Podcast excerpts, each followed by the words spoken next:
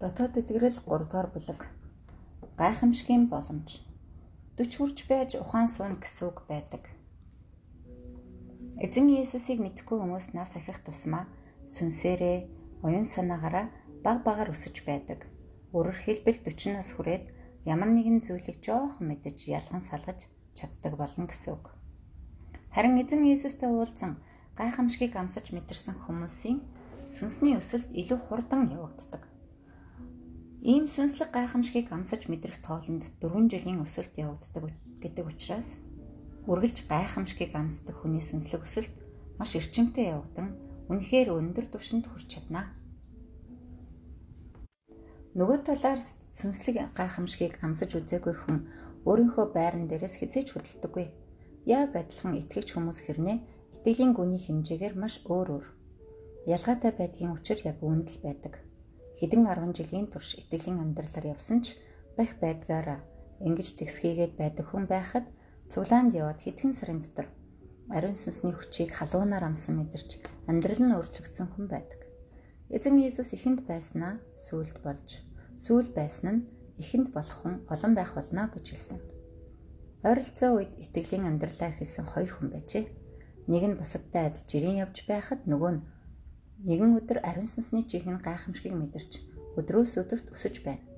Харин энэ хоёр хүнийг 60 жилийн дараа харьцуулбал ямар байх вэ? Асар их ялгаатай байх нь мэдээж. Эхнийх нь 60 жилийн дараа ч итгэлийн амьдралаараа эхэлж байснаасаа онцгийн ялгаагүй харин хоёр дахь хүний итгэл хэдэн мянган жилээр өссөн байх болно. Сүнсний өсөлт хурд хоёр энэ мэд итгэлийн амьдралаар хэрхэн явж байна гэдгээс маш их шалтгаалдаг. Хүмүүс бид сүнсний хурд өсөлтийнхөө хэмжээгээр хүчтэй байдаг. Сүнсээр өсөж төлөвшсөн хүн юу ч хийсэн гайхамшигт хүчийг харуулдаг. Бизнес эрхэлж, хичээл нам сурч, улс төрд оролцсон юу ч хийсэн асар их түүхийг бүтээж чадна. Хийж байгаа ажилд нь түүний сүнсний өсөлтийн хурд нэмэгддэг учраас энэ нь ажилчин хүний амьдралынхаа турш нэг машинаас зөвгдөн байж сурч авдаг зүйлийг техникийн их сургуульд ороод 4 жилийн дотор бүгдийг нь сурч авдагтай ижил билээ. Сүнслэг гайхамшигыг амсаж ивэлийг мэдэрч дахин төрнө гэдэгч адилхан. Ийм амьдралаар дамжуулан итгэгч хүн өөр хэн нэгний амьдралынхаа туршид амсаж чадаагүй сүнслэг өсөлтийг хэдхэн жилийн дотор бий болгож чадна. Олон хуваагдсан сэтгэлийн нэгдэл. Сүнслэг гайхамшигыг амсаж дахин төрөх нь олон хэсэг хуваагдсан дотоод сэтгэлийг нэгтгэж өгдөг. Хүний ажлын чадвах доошилтгийн учир нь Сэтгэл санаа олон хэсэгт хуваагддгаас болно. Сэтгэл санаа хоёр хэсэгт хуваагдвал чадвар 2-ны 1-ээр 8 хэсэгт хуваагдвал 8-ны 1-ээр багасж буурна гэсэн үг. Гэвч сэтгэл хичнээн олон хэсэгт хуваагдсан байсан ч гэсэн сүнсний гайхамшигыг мэдэж дахин төрөх юм бол нэг болон нэгдэж чадна. Үзэл бодол нь нэгдсэн сан хүний санаа сэтгэл цэвэршин бурхныг харж чадна.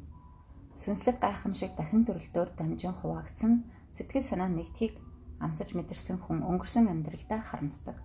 Учир нь сэтгэл санаа замбраагүй олон хэсэгт хуваагдсан байх үед харж чадахгүй байсан хамгийн нандин эрхэм ертөнцийг харж урд нь нугдаастай байсан сэтгэн бодох чадвар нь гайхамшигтайгаар сэргэн дээшилдэг юм. Хоёр нүд нь ирүүл байх үед юуг ч өлегтэй хийж чадахгүй байсан зохиолч Джон Мелтон сохорсноос 3 жилийн хойно гайхамшигыг мэдэрснийхаа дараа өөрийн хамгийн шилдэг бүтээл болох мөрөөдлийн цэцэрлэгээ бичсэн. Мөн бусад улс оронд авралын зэр дараа халуун хүсэлтэй байсан ч өөрийн сул дураагаасаа болж маш ихээр зөрчилдөж байсан Уэсли нэгэн орой Ром номыг уншиж байгаад гайхамшигыг мэдрэн дэлхийг өөрчлөх агуу хүч чадалд автагдсан зэрэг энэ бүхэн сэтгэл санаа уян бодол нэгдэх үед бий болдог хүч юм. Хүний тархсан сэтгэл санааг хамгийн эрчтэйгээр нэгтгэж өгдөг зүйл нь эзэн надтай хамт байгаа гэдгийг мэдэх гайхамшигт мэдрэмж юм. Сүнсний гайхамшигт нарийн мэдрэмж нь олон хуваагдсан сэтгэл санааг нэгтгэн амьдралын зөв чигийг өөрчилдөг. 2 дугаар Коринт 3:16 дээр гэвч хүн эзэнд хандаж эргэх бүрд сэтгэлийг таглаж буй бүтээлэг авагддаг гэсэн байна. Бүтээлэг авагдана гэдэг нь шин зүйлийг хардаг болно гэсэн утгатай. Сэтгэл санаа нэгдвэл шиннүүд нэгдэж бусад үед огтхонч бодож байгаагүй сүнсний нүд бусад аргаар огтхонч бодож байгаагүй аргаар асуудлыг шийдвэрлэж чадна. Боолын худалдаачнаас магтан дууны зохиолч болж. Асар олон хүмүүс энэ гайхамшигыг мэдэрснийхаа дараагаар амьдралынхаа чиг хандлагыг 180 хэмээр өөрчилсөн байдаг.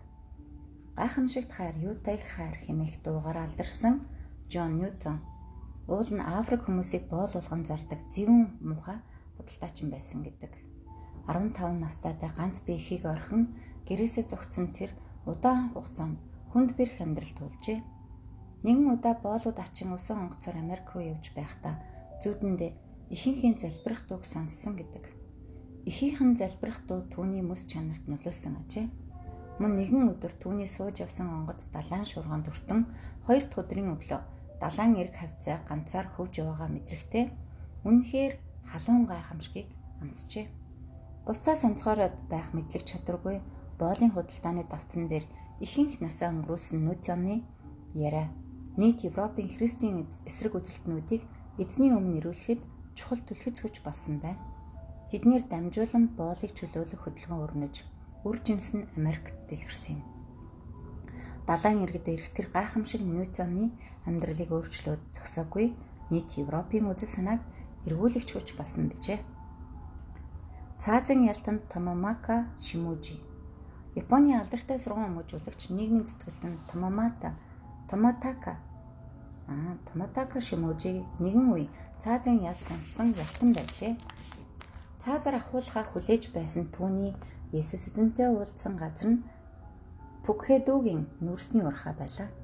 Тухайн үед маш хүнд нөхцөлтэй Пүкхэдүгийн нүрсний урхаад ажиллах хүн бараг байхгүй байсан учраас Японы засгийн газраас цаазын ялтай хэрэгтнүүдийг тэр газарт ажилуулахар болсон бөгөөд ажиллах хугацааных нь хэмжээгээр ял хойшлуулдаг байжээ.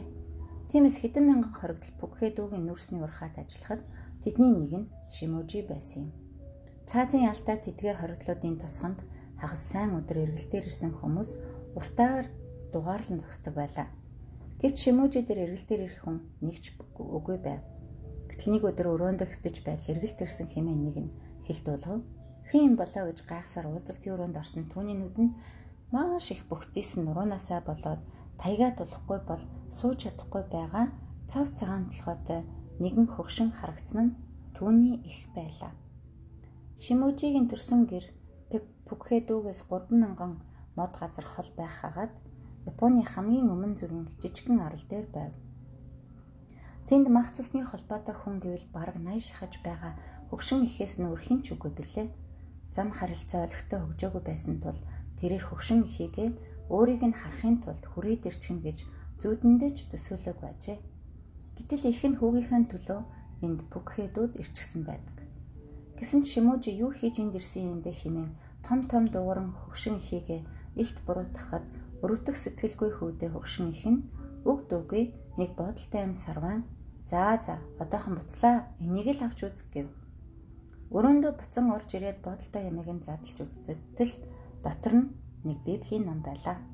Байтлаа ээж маань эзэн Есүс бас Есүс их болсон юм биз дээ гэж оршилтойгоор мушин Библийг өрөөнийхөө нэг булан руу аваад шидчихжээ. Тэгээ хэдэн өдөр өнгөрөх хооронд нөхд нь нөгөө номноос тамхи ороох цаас урж авсаар нилээд хорогдож гин. Түүнийг харсан Шимүүжигийн сэтгэл баг зэрэг тавгуутан эн чинь ямар ч байсан ээжийн минь авчирч өгсөн ном.